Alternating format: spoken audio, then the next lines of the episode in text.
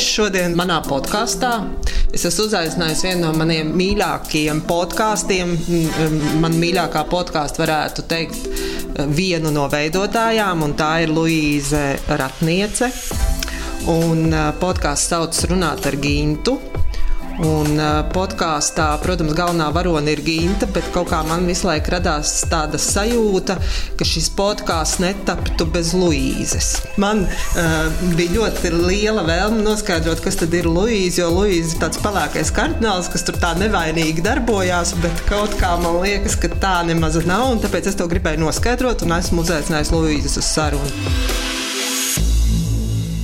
Sveika, Luīze! Sveika, Dace! Jā, es esmu Gintas podkāsta aizmugures rūķis pārsvarā.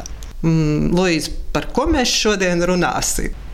Nu, tu gribēji runāt par, par podkāstu, un jo sevišķi par mūsu, ja mēs gribam lietot lielu nosaukumu, tad par biznesa modeli. Jā, tas man tiešām interesē, jo uh, nu, vismaz šobrīd runāt ar Gintu ir vienīgais podkāsts, ko es abonēju. Man vienmēr arī ir interesējis tas, uh, nu, kā cilvēkiem ar podkāstu izdodas nopelnīt naudu. Un, uh, Latvijā šī praksa nav tik izplatīta, un tāpēc man likās, jā, interesanti uzzināt par to, kā jūs līdz tam nonācāt.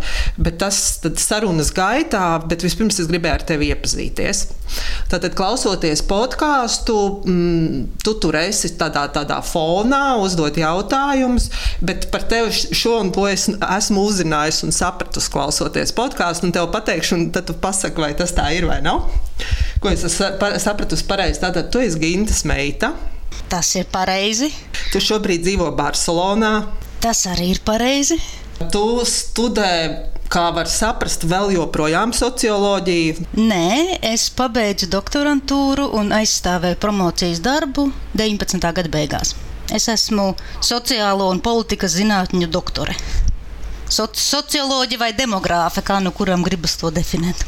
Tad tavā interesu lokā, vai tas, par ko tu tā esi pastiprināti interesējusies, ir tāda dzimte, sievietes, feminisms, nu kaut kas tāds. Jā, jā. gan promocijas darbā, gan vispār dzīvē. Jā. Tā, tā radikālā ideja, ka sievietes arī ir cilvēki, man ir ļoti pievilcīga. Jā. Un tad eh, seko pats interesantākais, jo, protams, gatavoties sarunai, es gribu iegūglēju par Luīzi. Un tad izrādījās, ka Luīza mums ir podkāsts, kas, protams, klausoties uh, Gīnas podkāstu, es par to nezināju, bet ka tev ir pašai savs podkāsts un nevis kaut kāds tur kaut kāds, bet uh, nu, pastāst par savu podkāstu, kas pie tam ir spāņu valodā, kas vispār man likās wow. Nu, es dzīvoju spāniski jau daudzus gadus, līdz ar to tas man neliekas tik ļoti iespaidīgi. Bet jā, manā dzīvē bija brīdis ar ļoti nopietnu aizraušanos ar Marijas Kondo profesionālās organizācijas metodi. Un es nolēmu šo aizraušanos novest līdz tās tālākam, tālākam iespējamam galam un kļūt par konsultanti viņas metodē.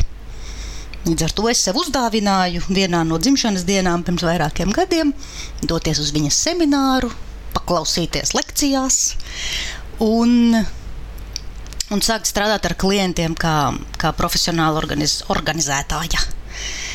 Um, tas šobrīd ir nedaudz pa, pagājis otrajā plānā manā dzīvē, bet bija tāds brīdis, Un viena no šī brīža viens no šī brīža interesantākajiem rezultātiem ir bijusi arī iepazīšanās ar citām meitenēm un sievietēm, pārsvarā, kurus Marijas Kondo darbs ir aizrāvis. Un mēs izveidojām pirmo podkāstu spāniski veltītu kondo metodei, nu, un kārtībai, un apziņotībai un kārtībai kopā um, veltītu. Šobrīd gan viņš ir uz pauzes, bet jā, līdz ar to man bija jau neliela pieredze ar ierakstīšanu no mājām pirms mēs sākām runāt ar Gintu. Tur gan es nedarīju tehnisko pusi, tur es tikai runāju. Bet uh, jā, tas eksistē. Ja, kā, ja kāds, kurš klausās, klausās arī spāniski, var arī to paklausīties. Bet tas tiešām bija tāds, nu, mīlestības projekts, kur bija, nu, re, mums ir trietā jautri kopā, kāpēc gan, mēs par to neparunātos, neierakstītu, nepublicētu un tāds bez, bez ambīcijām, ka tas būtu reāli profesionāls projekts, bet gan tas, kas ir tipiski lielākai daļai podkāstu, ka tas tiek veidots kā tas, ko angļuiski sauc par inbound marketing. Mēs piedāvājam vērtību bez maksas, tādā veidā piesaistot un iemīlinot potenciālos klientus un pieņemot, ka tas laika gaitā pavērs citas iespējas. Un tas pavēra? Nē, šāda, bet tas arī ir saistīts ar to, kā darbojās sociālie mēdīji un um, arī iespējams tāda ļoti naiva ideja, ka pietiek tikai radīt projektu, kas mums patīk, un tad jau viņš kļūs virāls, un visi mēs aizjāsim saurietā. Bet nē, es domāju, un tāpēc arī tad, kad mēs sākām runāt, sākam, sākām gatavot un runāt par runāt ar Gintu, um, tas, ka tas ir maksas produkts, bija skaidrs jau no paša sākuma. Es tagad kaut kur aizvirzījos ar Mariju Kondo Man, man, nē, man liekas, ka der tas tā lēnām virza mūs jau tuvāk podkāstam runāt ar Gintu. Jo, protams, man interesē, kā jūs līdz šai idejai nonācat. Man ir tāda sajūta, ka tas bija tāds Covid krīzes produkts, bet iespējams, ka nē. Varbūt pastāst, kā jūs sākāt runāt un tiešām nu, ne tikai runājāt, bet līdz šai idejai arī realizācijai nonācāt. Jā.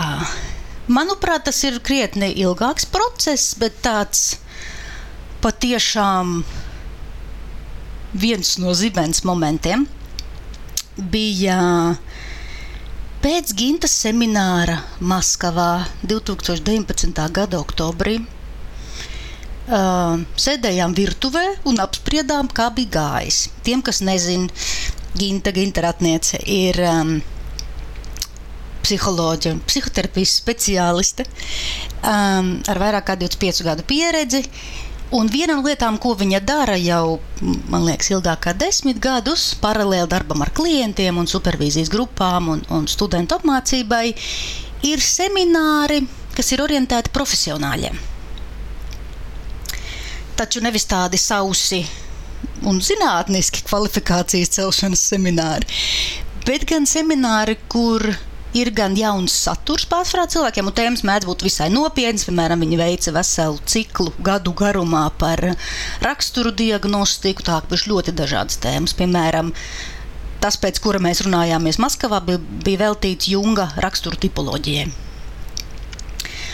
Un šie semināri vienmēr ir bijuši tāda lieta, kur vienmēr ir pilni. Jo, protams, izveidot tādu un norganizēt un novadīt ir liels darbs. Līdz ar to viņi parasti veica nu, pāris Latvijā, vienu Maskavā, vienu Tallinā, vienu Viļņā. Un tas arī bija viss. Ja tu cilvēks tajā dienā nevarēji, vai grupa jau bija pilna, nu neko. Un līdz ar to šīs sarunas. Uh, turklāt, nu, viņi arī, cik es saprotu, ir diezgan garlaicīgi mēģināt to pašu atkal un atkal atkārtot. Kaut gan ir reizes, kad viņa pēc gadiem atgriežas pie kādas tēmas, jo grib to papildināt, bet Nu, tā nav tāda ideja, ka ar vienu semināru mēs tagad apbraukāsim visus iespējamos, tur, piemēram, Krievijas un Austrumēropas nostūrus. Bet gan tā ir tāda nepārtraukta inovācija. Līdz ar to tēmas, kas priekš viņas ir pabeigtas un izdarītas, ir izdarītas. Ļoti nelielam cilvēku lokam. Līdz ar to mūsu saruna par uh, mūžzaļu interneta projektu nāk no turienes. Par to, kā būtu iespējams vismaz daļu no tās sajūtas, ko cilvēkiem rada viņas semināru. Viņam, viņai tiešām ir fani šim stilam, kurš ir gan neformāls, gan ar papildus ilustratīviem līdzekļiem, jo sevišķi kino, kas arī ļoti parādās um, podkāstu saturā. Uh, ka, piemēram, tajā Maskavas seminārā pat bija cilvēki, kuri pirmajā aplī teica, nu, es jau pat nezināju, uz kādu tēmu es nācu, es tikai redzēju, ka Gintai seminārs un uzreiz pierakstījos. Un vēl papildus aspekts tam ir tas, ka Gintai nepatīk rakstīt. Tāpēc viņa neraksta grāmatas par šīm tēmām. Ne, ne akadēmiski zinātniskas, ne arī kā, vispār pieejamas. Viņa Gintai nepatīk rakstīt, bet runāt patīk. Līdz ar to tas likās tāds jau loģisks, un tajā brīdī man jau bija um, šī iepriekšējā nenopietnākā podkāstu pieredze, ka varbūt ka audio produkts kaut kādā veidā, ne tieši ierakstot seminārus, bet kaut kādā veidā to pārveidojot, varbūt tas būtu tas virziens, kurā doties. To mēs attiecīgi izrunājām. Tieši tādā stilā, kā ir paredz, kādu ir paredzēts sajūtu radīt ar podkāstu, pie virtuves galda ar vīna glāzi, bet tā tas arī palika to brīdi. Un tad pilnīgi nejauši es pie tā atgriezos martā. Jā, jo mēs bijām uh, striktajā, striktajā pirmā viļņa izolācijā šeit um, nāca Gintas vārdiena un dzimšanas diena. un kā mēs pēc tam esam smējušās, ka es nolēmu viņai uzdāvināt vēl vienu darbu palielu. un, um, un es biju kā reiz atradusi platformu, kas man likās ļoti interesanta, kas ir Stabstek, kur ir tieši Nu, pirmkārt, atgriešanās pie idejas, ka e-pasts ir pats vērtīgākais, ko no cilvēka var mūsdienās iegūt internetā un ka tā ir vienīgā ideja, kā var piedāvāt saturu, apējot um, algoritmu robotus. Jo ar to ir skaidrs, ka šobrīd tas saturs, kas tiek veidots sociālajiem mēdījiem, mēs nekad nezinām, kurus tas aizsniegs, kurus tas neaizsniegs, kāpēc. Um, līdz ar to bija tiešām šī vēlme veidot personisku komunikāciju un um, tiešu ja tu esi pierakstījies, tad tu saņem. Tad nav viss tur tāds, ka tu esi uzspiedis laiku, un tad varbūt kaut kādu tu ieraudzīsi savā līnijā, skrulējot garām. Nu, tā kaut kā. Un tad sākā, ar to sāk, sākās pirmais ieraksts, kurā tomēr var ļoti dzirdēt. Gintas balsi, manuprāt, nevar dzirdēt. Manā balsī var dzirdēt trauksmi un tādu satraukumu un gaidas. Un tā mēs drulējamies Kopš tā brīža ir pagājuši desmit mēneši. Es to paskatīšos. Un, un cilvēki klausās. Tu tā brīnums par to? Šāda ziņa, šādas lietas jau ir, nu, ir neiespējami paredzēt. Līdz ar to no vienas puses esmu tiešām pārliecināta. Man ik pa brīdim noteikti tā, ka es viņus paklausos vēlreiz, piemēram, jo es gribu ievietot kādu atgādinājumu postu sociālajos mēdījos, noklausos vēlreiz. Tā, bet kāds mums labs produkts, evo, reāli labs.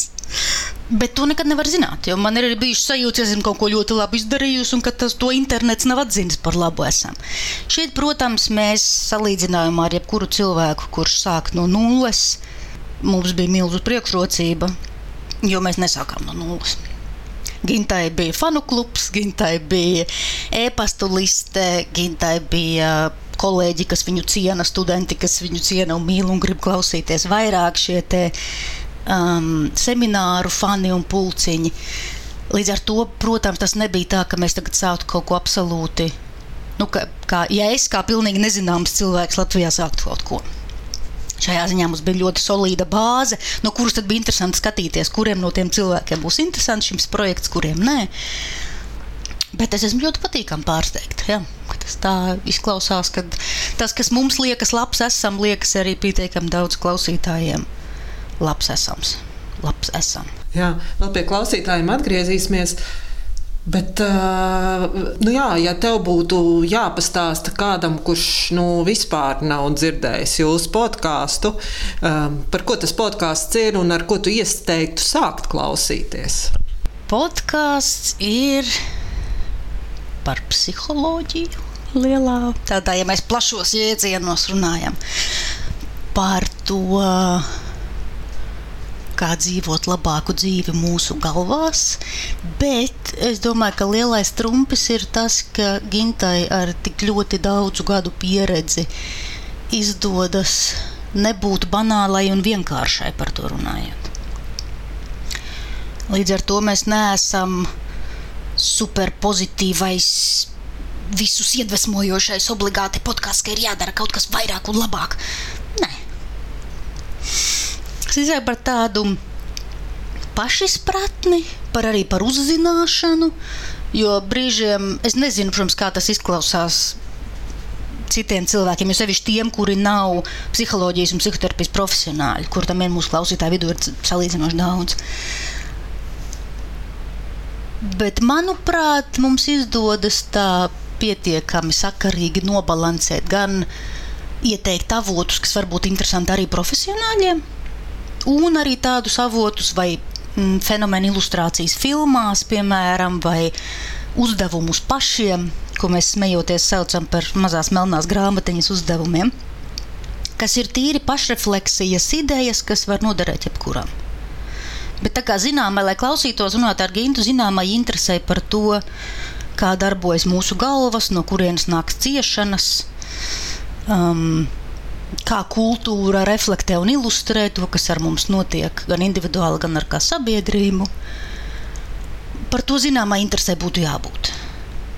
Un te es domāju, arī tas, tru, tas pats trumpis ir tieši Gintas profesionalitāte, jo mēs Mēs nepiedāvājam runāt par politiku, pesticīdiem, pastētes receptēm un vēl psiholoģiju.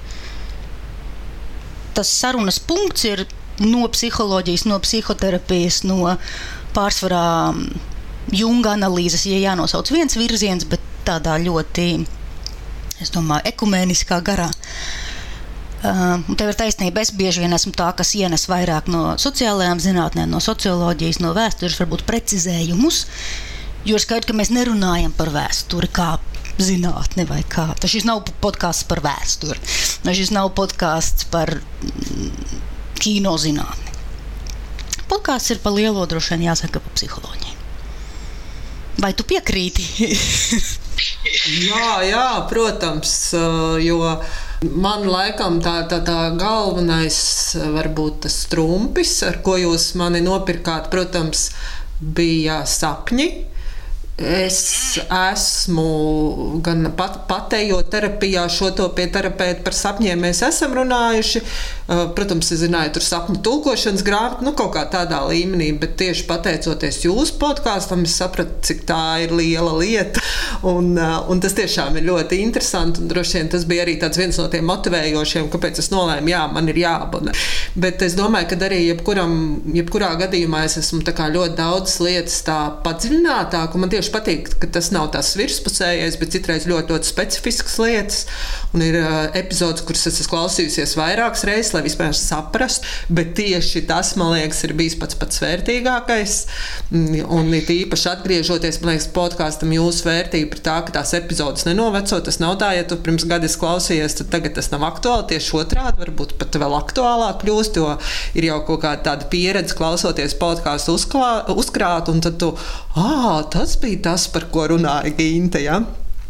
Tā kā, man liekas, ka kam ir interese un ir kaut kāds vēls, tā padziļinātāk, tiešām tas ir tas, kas man liekas arī tas īstais ceļš, kad ir kaut kāds varbūt pat ļoti specifisks lietas, ko es kā neprofesionāls pat nezinu, bet man liekas, ka tur ir tas foršais vidusceļš, kad tam pievēršot lielāku uzmanību, arī es saprotu un uztveru. Tā kā es tev piekrītu. Man prieks, ka tu to saki, jo viena no atgriezeniskajām saitēm ir bijusi par to, ka es neuzdod pietiekami vienkāršojošus jautājumus. Jo tā kā ideja būtu tieši šī, ka mums ir saruna ar Gintu kā profesionāli, man kā neprofe, neprofesionālim, bet tomēr izrādās, ka dzīve daudzus gadus kopā ar profesionāli ir lietas, kas, ko es esmu pilnīgi nejauši samācījusies. Un tas brīžiem iespēj, iespējams var likties, ka nu, mēs neizskaidrojam pietiekami, bet eh, ja tu saki, ka ir labi, tad man prieks. Tas Es domāju, ka droši vien katram jūsu podkāstu klausītājam būs savi ieteikumi. Bet man tiešām man patīk tieši tas, ka tas ir jau ved dziļāk. Ir tīpaši, jā, es esmu gājis terapijā, daudz ko esmu lasījis, daudz ko tā kā kā jau zinu. Man liekas, ai, nu, ko var jaunu pastāstīt. Bet man liekas, tieši tas, ka pateicoties jūsu podkāstam, es atklāju esas jaunus plašumus, jaunus dziļumus, un es saprotu, ka te var rakt un rakt. Man liekas, ka tā ir tā galvenā vērtība. Un arī droši vien tāds iedrošinājums, kaut kā ka mēs jau visi tam ejam cauri. Man liekas, arī tāds uzmundrinājums, iedrošinājums ir īpaši ir kaut kāda krīze un liekas, nu viss ir slikti un ar neko netiek galā. Paklausos epizodi par radošumu vai kādu citu. Ah, viss tas ir normāli. Tā nav krīze, tā ir inkubācija. Bet ar ko tu ieteiktu sākt klausīties tiem, kas nu, nav klausījušies, bet varētu sākt? Nu, kā jau teicu, atkarīgs no interesēm, jo, manuprāt, ir tādas, kas ir um, tomēr vienkāršākas savā ziņā. Nu, vai vismaz kurā mēs runājam par fenomeniem, kuriem parast, par kuriem jau lielākā daļa cilvēku ir izpratne. Turklāt šīs epizodes ir parasti tās, kuras mēs dodam arī brīvpieejā, jo tāda eksistē. Ir iespējams gan, gan visās podkāstu platformās, gan arī tajā pašā sapstakā pierakstīties bez maksas un izbaudīt ieteikumus reizi mēnesī, un reizi mēnesī arī epizodi. Vienkārši normālu epizodu, kuru mēs dodam visiem. Un tajās mēs mēdzam runāt lietas, kas ir tādas kas mums liekas, ka varētu būt vispār aktuālākas. Nu, piemēram, izdegšana, attiecība, attiecības ar ķermeni. Es tagad neatceros, vai bija brīvpieeja vai nē. Bet uh, izdegšana pilnīgi noteikti. Um, šobrīd es rediģēju perfekcionismu. Um, piemēram, tādas lietas, ka pat cilvēki, kur vispār interesē, kā darbojas psiholoģija un psiho, kā darbojas psihoterapija. Um, Tā kā viens būtu sākt ar šīm, te, kas ir brīvpieejā, pilnīgi noteikti, un redzēt, vai jums patīk stils vispār. Jo tas mēs zinām, katram ir savas preferences, kā mēs uztveram informāciju, kā mēs mācāmies, vai jums balsis patīk. Es zinu, ka ir cilvēki, kur mana balss reāli kretinē, bet nu, nevar neko palīdzēt. Um, un otra būtu tieši šīs te, nu, īpašās intereses. Viena varētu būt sapņi, kas tiešām ir nu, seriāls, viena no tēmām, kurām mēs veidojam regulāras epizodes.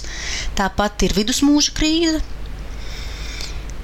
Un arī es teiktu, pasakas. Pasakas un kino, ja jūs piesaista šāda tipa simboliskais materiāls, tad arī mēs daudz Ginta stāsta pasakas. Mēs daudz runājam par kino, iesakām kino un to apspriežam. Plus es vēl domāju, man ir pat tādas aizdomas, ka tas ir tāds bonus, ko tagad izkorģē mani, ja tā nav. Bet, manuprāt, pat daudzi abonenti nenojauš, cik caur šo podkāstu Ginta ir pieejama. Jo viņa atbild komentārus, viņa atbild e-pastus. Šī ir iespēja reāli aizsūtīt e-pastu ar savu sapni, un Ginta, cik varēs, cik gribēs, jums izanalizēs sapni vai atbildēs komentāru. Un šī tās interakcijas ir īstas, tās ir reālas. Un viņa tiešām šajā ziņā ir ļoti pieejama, jo citā viņa nav. Un te varbūt ir šis brīdis, kur sākt runāt par, par biznesa modeli, jo redzi, šī podkāsta mērķis nav meklēt gintai jaunus klientus. Viņai nevajag jaunus klientus. Viņa ir tajā pozīcijā savā profesionālajā dzīvē, kur viņai, diemžēl, cilvēkiem ir jāatsaka jo dienā ir tik daudz stundu, ir nepieciešams arī stundas rūpēm par sevi, gleznošanai, kucēnam un tam līdzīgi.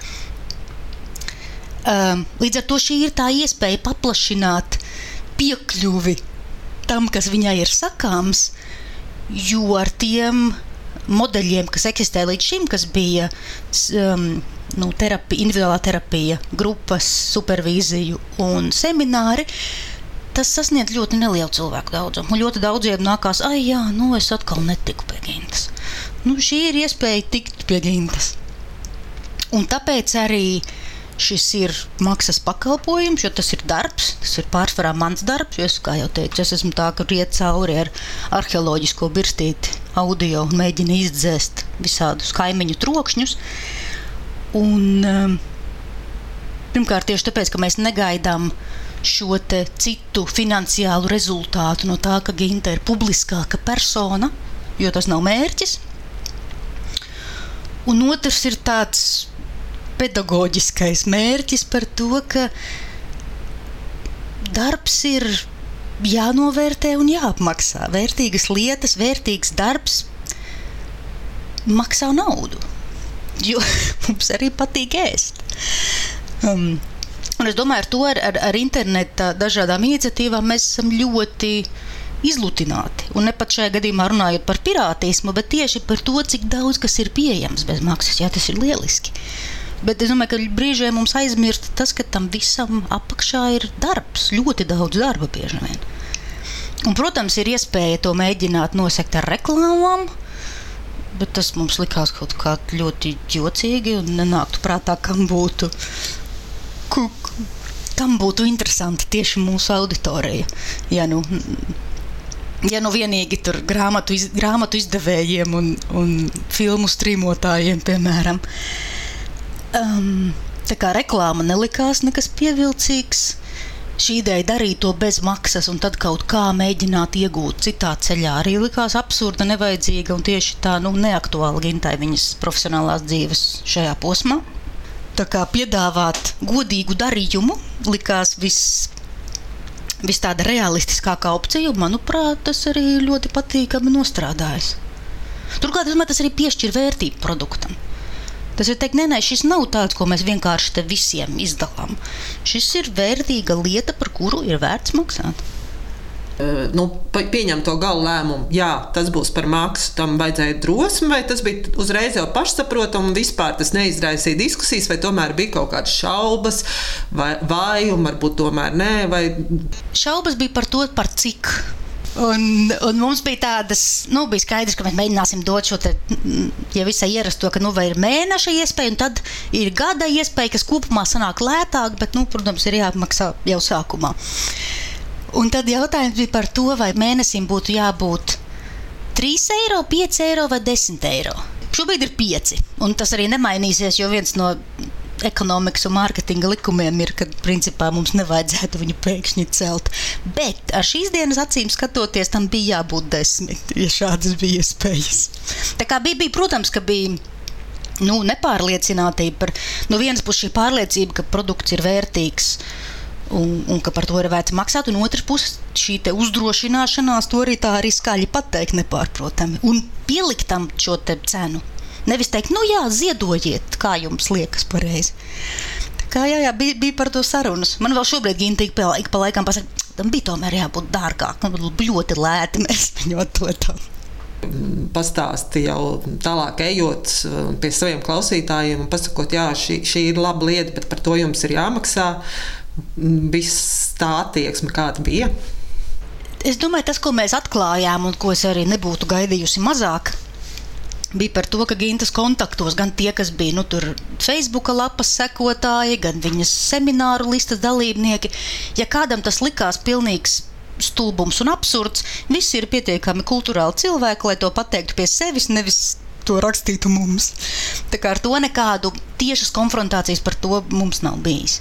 Tas, ko mēs izdarījām, jā, mēs pirmo mēnesi palaidām par brīvu. To jā. Tagad tas nebija tā, ka uzreiz ir šī maksājumu siena. Viņa ne, jo mēs viņu iesākām, man liekas, 1. 3. aprīlī. Tā bija tā, tagad katru aprīļa piekdienu būs jauna epizode, mīļie draugi, manā šajā jaunajā piedzīvojumā. Klausieties, novērtējiet, un ja jums patīk, mēs turpināsim, un jums ir iespēja viņu abonēt, jo no maija mēs ejam aiz maksājumu sienas. Un atbilde bija ļoti, ļoti pozitīva, ļoti entuziastiska. Vismaz no tiem, kuri atbildēja, kā jau es saku. Un tagad mēs redzēsim, jo nāk aprīlis, cik no tiem, kuri sāka pirms gada ar gandrīz aklu uzticību un 50 eiro, cik būs gatavi to atjaunot. Es ceru, ka visi. Un, jā, pagaidām tas ir bijis ļoti, ļoti patīkama pieredze. Es domāju, ka arī tāpēc, ka cilvēki, pie kuriem mēs piekļūstam, pārsvarā ir tie, kuri, kuriem ir pietiekami daudz šīs spējas nokontrolēt afektus. Un, un, nu, jā, ja tev nepatīk, nu, skrūlē tālāk, ej tālāk, nav, nav problēma. Šis ir lielais, interne, lielā internet, lielais interneta zviedru galds, kur katram ir savas iespējas. Un, ja jums šis projekts nepatīk, nu, viss kārtībā kā tādas tiešas nekādas. Es arī domāju, ka mēs tieši esam tādā diezgan pasargātā interneta stūrītī. Tiešām lielākā daļa cilvēku, kas painteresējas, paklausās un pēc tam kļūst par abonentiem, ir jau tādi, kur ir izdarījuši daudz iekšējā darba, lai reaģētu uz šādiem jautājumiem ļoti adekvāti. Kā tu nonāci pie runāt ar Gentu? Um, nu, kā tās labākās lietas atnāk ļoti nejauši. Um, vienu no podkāstiem Facebookā nošēroja viena no Gintas studentēm bijušajām. Un, uh, kaut kā man laikam tā tēma piesaistīja. Es tagad neatceros, tas nebija noteikti par sapņiem, tas bija kaut kas cits, varbūt par iekšējo bērnu. Nu, katrā ziņā tā tēma bija tajā brīdī man aktuāla, un es ieraugu, nu, un man bija tas, protams, tas pirmais pārsteigums, ka tas ir par naudu, jo tas jau bija kaut kāds, varētu būt augusts, septembris, tā kā jau kādu brīdi bija skanējis. Bet es paklausījos šīs brīvās epizodes, tad dzirdēju par eh, sapņiem. Tas man arī uzreiz ieinteresēja. Un kaut kā, jā, laikam uzrunāja tas viss kopā, ka es sapratu, jā, tas ir tā vērts, lai es to naudu samaksātu un abonētu. Tā kā Man par Gintu varbūt kā vārds un uzvārds es zināju, bet man vispār nebija nekāda priekšstata, kas tas ir un par ko tas viss ir. To visu atklāju jau klausoties, un tad, tad jau tas aizgāja tālāk. Tā. tā kā var teikt, ka ļoti nejauši. Lūk, viens no panākumu stāstiem. Lieliski. Nu, tā, tāda ir arī ideja, jo Protams, ka tas ir šis uzticības kredīts. Kaut arī tiek piedāvātas arī bezmaksas epizodes, tas ir, nu, nāc ar mums līdzi piedzīvojumā un redzēsim, kas notiks. Jo, um, kas arī es nezinu, cik daudzus kaitina un cik daudziem patīk, mē, mums nav scenārija. Mēs runājam diezgan brīvi un brīžiem varbūt pārāk brīvi. Nu, tā, ir, tā ka ir, ir tēma, sākot sarunu, ir aptuveni skaidrs, cik daudz laika mums ir. Ja mēs mēģinām iekļauties, lai tā būtu pusstunda, be, beigu beigās, maksimums 40 minūtes. Bet kur mūs tas aizved? Brīžiem mūsu tēmas aizved uz ļoti pārsteidzošām vietām. Eh, kur epizode tev pašai pat mīļākā? Viņas mainās. Es arī tā bieži neatgriežos. Es atgriežos, tā, ka man ir kaut kas jānoklausās īpaši manuprāt, otrā um, pandēmijai veltītā bija ļoti, sanāca ļoti adekvāta, ļoti spēcīga un ļoti vērtīga. Jo, um, kur turklāt mēs bijām paredzējuši no sākuma laist tikai abonentiem, un pēc tam izmainījām iestatījumus un atdevām brīvpieejām tieši runājot par ierobežojumiem, kā ar tiem dzīvot, ko tas nozīmē, kā dzīvot ar citiem, kuriem ir grūti dzīvot ar ierobežojumiem un tam līdzīgi. Izdegšana, um, attiecības ar ķermeni. Tās varētu būt šī brīža. Pēdējā par Dēmetru arī ir brīnišķīga epizode. Vakar atkārtot noklausījos. Mēs gan tur rūpīgi sitam pa galdu, to arī var dzirdēt. Bet saturs, manuprāt, atsver audio defektus. Kura ir tava mīļākā? Man laikam sapņi, un es arī pēc tam, eh, nu, eh, man ir eh, daudz dažādas tēmas, kas ir foršas, un es saku, es arī esmu no tām, kas klausās atkārtot, tik pa laikam pie kaut kā atgriežos, tad, kad tas liekas aktuāli, bet laikam tāds, par ko es tā domāju ikdienā, un tam pievēršu ar vien vairāk uzmanības, laikam ir sapņi. Un tad, laikam, pati, pati tāda mīļākā, ko es tiešām, man liekas, esmu noklausījusies vairākas reizes, un katru reizi atklājot kaut ko jaunu, kas arī man pašai bija ļoti vērtīgi, ka es kaut kāds pat saliku pa plauktiņiem, kaut kādas lietas, kas man tā kā uh, mētājās, bija sapņu epizode, kur bija par vecākiem par mātes un tēva funkciju, par kompleksiem, kas bija sarežģīti, kas uzreiz tā kā es neustvēru, bet klausoties vēl un vēl, un tad man bija kaut kāds, es atceros, vēl tāds staigāju pa mežu un bija tāds aha moments. Tā kā laikam tā varētu būt tā tieši, bet tieši tāpēc, ka tur bija tas aha moments, kaut kur tur tā kā sajūtos tādā terapijā nokļuvus. Tā kā jā, un ir kaut kādas lietas, kas. Um, klausoties, ko es sev biju novērojis, jā, ka tas man ir aktuāli, un klausoties jūsu podkāstu, es vienkārši sapratu, kāpēc. Nu, kaut kādā veidā uzzināju. Kā, jā. Jā, jo, protams, runāt ar Gintu nav psihoterapijas aizstājējs, protams, bet es domāju, ka ir tieši, kā tu saki, pietiekami daudz tādu brīžu gan tajos pašrefleksijas uzdevumos, ko Digita dod, nu, ieteikumos. Var, var sev uzdot šādu jautājumu, var uzdot šādu gan arī kopējā sarunā, protams, cerība ir, ka tas cilvēkiem iedod šo aha momentu, šo te insaitu. Vienreiz, otrreiz, trešreiz. Tā kā, jā, jā, tā, kā, tā nav terapija online, protams, bet tā ir šī iespēja ienest šāda tipa jautājumus savā dzīvē. Lai viņi būtu regulāri un vismaz dotu šo iespēju. Es domāju, protams, ka arī domāju, šeit ir tā maģija, kas ir izvēloties audio. Tas nav tā kā lasīt, kur var pārlasīt, pārliekt pāri kaut, kā, kaut ko citu, domāt. Tomēr kaut kā, manuprāt, audio iet tieši smadzenēs iekšā kaut kā labāk. Es pilnīgi piekrītu, jo es klausos staigājot par mežu. Un, man liekas, runāt ar Gintu tam ļoti piestāv. Tīpaši tur tie visi simboliskie, maģiskie pasaku. Un tā tālāk ir kaut kādas vietas, kas man vienkārši uzreiz uzburā sēniņu. Kā, nu, tas ir tāds kaut kādā savā ziņā kā, klīst pa saviem džungļiem, savu, savu apziņu un bezapziņu un kaut ko tur mēģināt saprast, kas tas ir. Un, um, tieši arī tu jautāji man, man ļoti simpātiski patīk tā arī jūsu atgriezeniskā saite ar klausītājiem, ka tas podkāsts nav tāds, kas tur izskan tukšumā, bet ir arī eh, gan jūs pieminat savus klausītājus, kas ir dalījušies kaut kādiem saviem iespējām, kaut vai par filmām vai sapņiem. Eh, notiek, um, kā, kā tas darbs varbūt notiek, kā jūs, kā jūs to organizējat? Tas ir ļoti interesanti. Tas tāpat kā ir tie klausītāji, klausītāji kuri vienmēr, kad viņi ir noklausījušies, uzliek sirsniņu, un tie, kuri to nedara, lielākā daļa. Protams, ka atgriezeniskā saite ir ļoti svarīga, tā ir pārsvarā ļoti patīkama, jo šis, jo es, nu, mēs varam redzēt, cik ir noklausījušies, bet ko viņi ir, ko viņi ir sadzirdējuši. To jau mēs nezinām, ja viens cilvēks nepasaka. Um, tāpēc atgriezeniskā saite ir, un mēs cik viņa ir pārsvarā, arī uz viņu atsaucamies un cenšamies iekorporēt.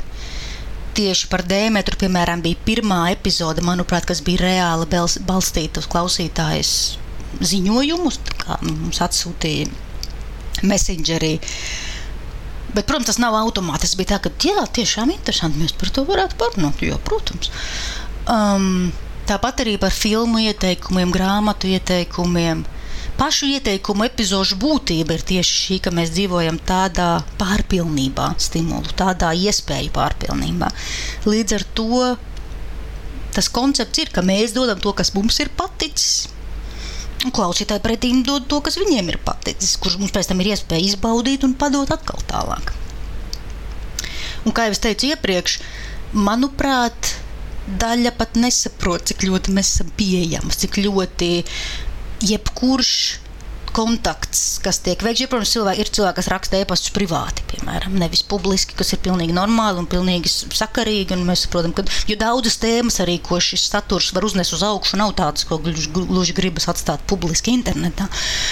Bet katrs, mm, katra atgriezeniskā saite ir ārkārtīgi augsti novērtēta, izlasīta, atbildēta, jo tā tiešām rada šo sajūtu, sarunas, pat ja tā ir netieša.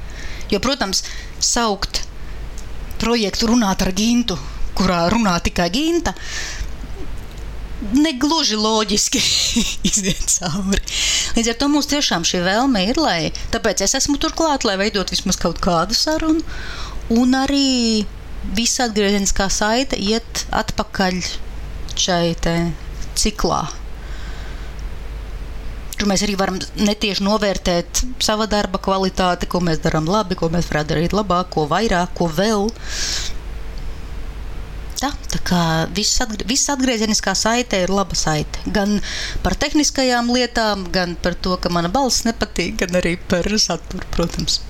Tad jūs no tās tavas stāstītā, jūs plāni turpināt šo podkāstu vai ne? Nu, piemēram, mēs tev esam parādā podkāstu līdz kuram datumam? Uh, nu, man liekas, tas bija kaut kāds augusts, septembris. Nu, lūk, tā tad to es nopirku, to es nopirku podkāstu līdz augustam. Viņam ir jānotiek. Tā bija lieta, kuru mēs ar Gintu sapratām kaut kad pirmajā mēnesī, manuprāt, ka jā, jā, jā, ja mēs atļaujam cilvēkam veikt abonēšanu uz gadu, tad viņam arī gads ir jāsaņem pa lielu. Bet jā, jā, ir um, plāns ir turpināt tēmu, mums ir pilnas kabatiņas. Jāskatās, protams, kā notiek dzīve. Ja pēkšņi visi pārstās klausīties, tad mēs arī pārstāsim, protams, bet um, pagaidām, jā, ka, tie, tie, kur ir abonējuši nesen uz gadu, varbūt pavisam mierīgi, viss turpināsies. Kā tu to redzi, kas ir tas, priekš tevis tas lielākais iegūms piedaloties šajā podkāstā? Nu, ja nes, neskaita abonentu maksas, kas ir tas, ko tu salīdzinot ar savu pirmo podkāstu, varbūt ir kaut kas, kas ir priekš tevis tāds nu, interesantākais piedzīvojums tieši piedaloties šajā podkāstā, darot visu to, ko tu dari. nu, tāda banāla atbilde, ka es esmu tagad neskapēc iemācījusies arī rediģēt audio. Kurš to būtu domājis? Tas nebija manos plānos. No otras puses, ir bijis ārkārtīgi interesanti novēr, novērot šo, šī projekta evolūciju, padarīt gintu pieejamāku citiem. Jo es pietiekami bieži esmu redzējusi, kā kaut kādās ballītēs vai sanāksmēs cilvēki viņai reāli nu, uzdod jautājumu, viņi grib ar viņu runāt. Bet tieši par nu, šādu tipu jautājumu, kā un ko, un sapņu, un psihoterapija, un tas un šis. Un, un man tiešām likās, ka vismaz latviešu, pilnīgi es neņemos runāt par saturu citās valodās, jo to visu neesmu aptvērusi. Bet vismaz latviešu trūka šāda satura. Jo ir, nu, ir podkāsti, kas runā par visu, da jebko, bet mēs zinām, ka internetā šobrīd ir tik ļoti vienkārši prezentēt sevi kā ekspertu. Un tas visu, to visu tikai mēs mēram laikos un klausījumos. Man tiešām gribējās pievienot šo tādu nobriedušu eksperta balsi, kuram turklāt nav no šī projekta nekas nav materiāls jādabū. Kuram nav šī tā, nu jā, un ja jūs gribat zināt kaut ko vairāk, tad nāciet uz maniem semināriem. Links apakšā. Ja? Nē, mums tas, tas nav. Tā nav daļa no šī. Tāpēc mēs varam būt ļoti godīgas, brīžiem iespējams ļoti nomācošas saturā. Tā ziņā, ka tas, nu jā, pasaule nav tur ziedu leja mēs visi beigās nomirsim. Liekas, gan tur vairākas reizes jau pateikusi. um, Tādā ziņā tā ir milzu brīvība. Šis gan viņas eksperta briedums, gan tā absolūtā neatkarība.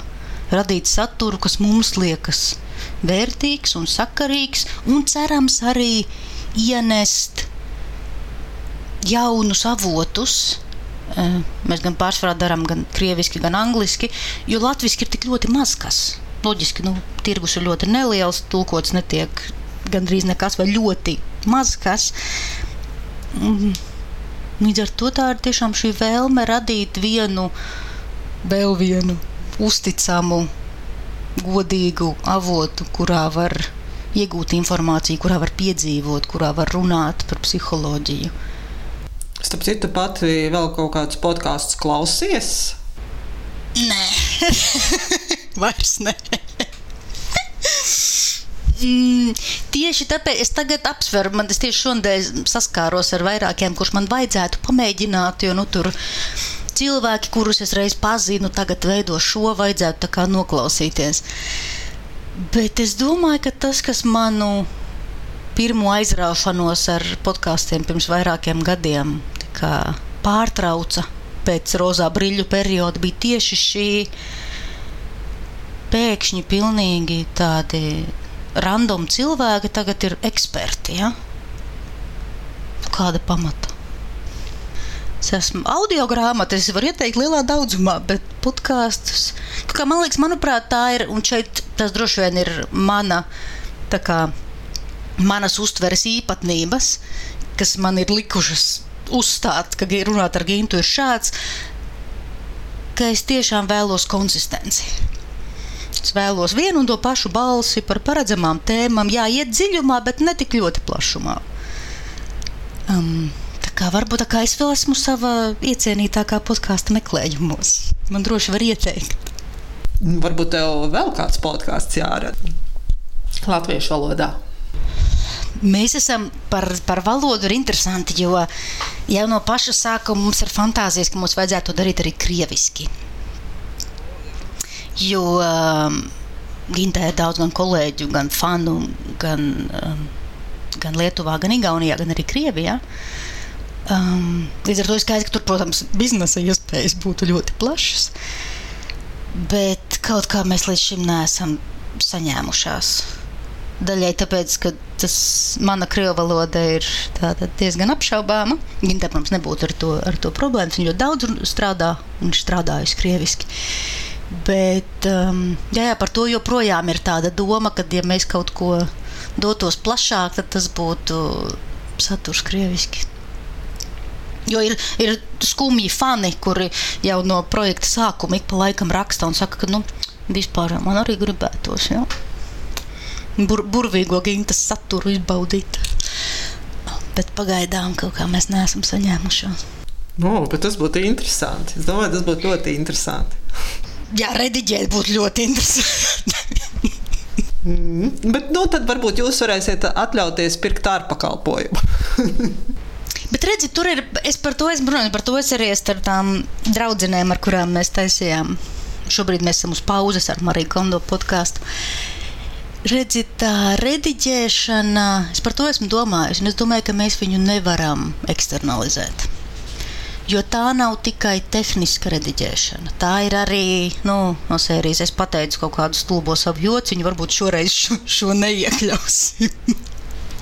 Ja tagad tas tomēr ir arī satura redakcija, kur tas būtu nebeidzams, nebeidzams sarunas ar nabaga personu, kurai tas būtu jārediģē, būtu nē, bet tas, bet tur mēs pateicām tā, bet varbūt, ja tu izņem to gabaliņu, varbūt kopā saliekot, sanāk ok.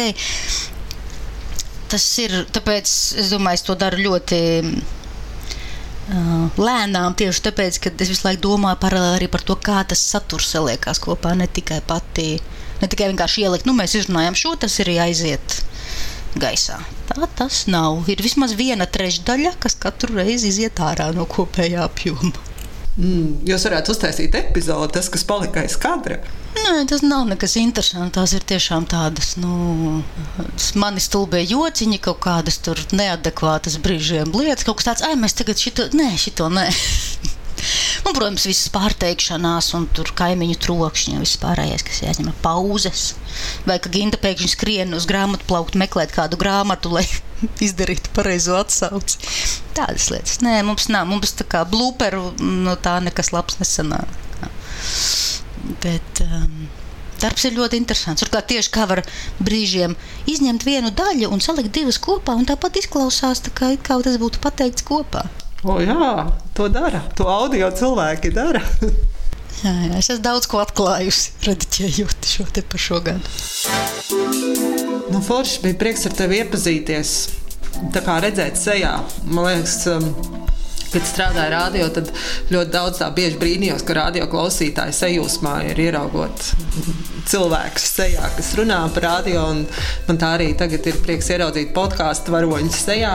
Un es ceru, ka jūsu projekts uh, turpināsies un klausītāju lokus augs. Un arī, manuprāt, tā ideja par krievu valodu arī ir lieliska. Jā, man ir tikai strauji jāuzlabo mana krievu valoda, tad viss notiks. Un, nu, un tad, um, jā, tad, tad tiekamies um, runāt ar Gintu epizodēs, un tad jau skatīsimies, kur mums varbūt atkal kādreiz satiksimies kaut kur. Protams, kā, kā mēs kam turpināsim runāties. Paldies tev!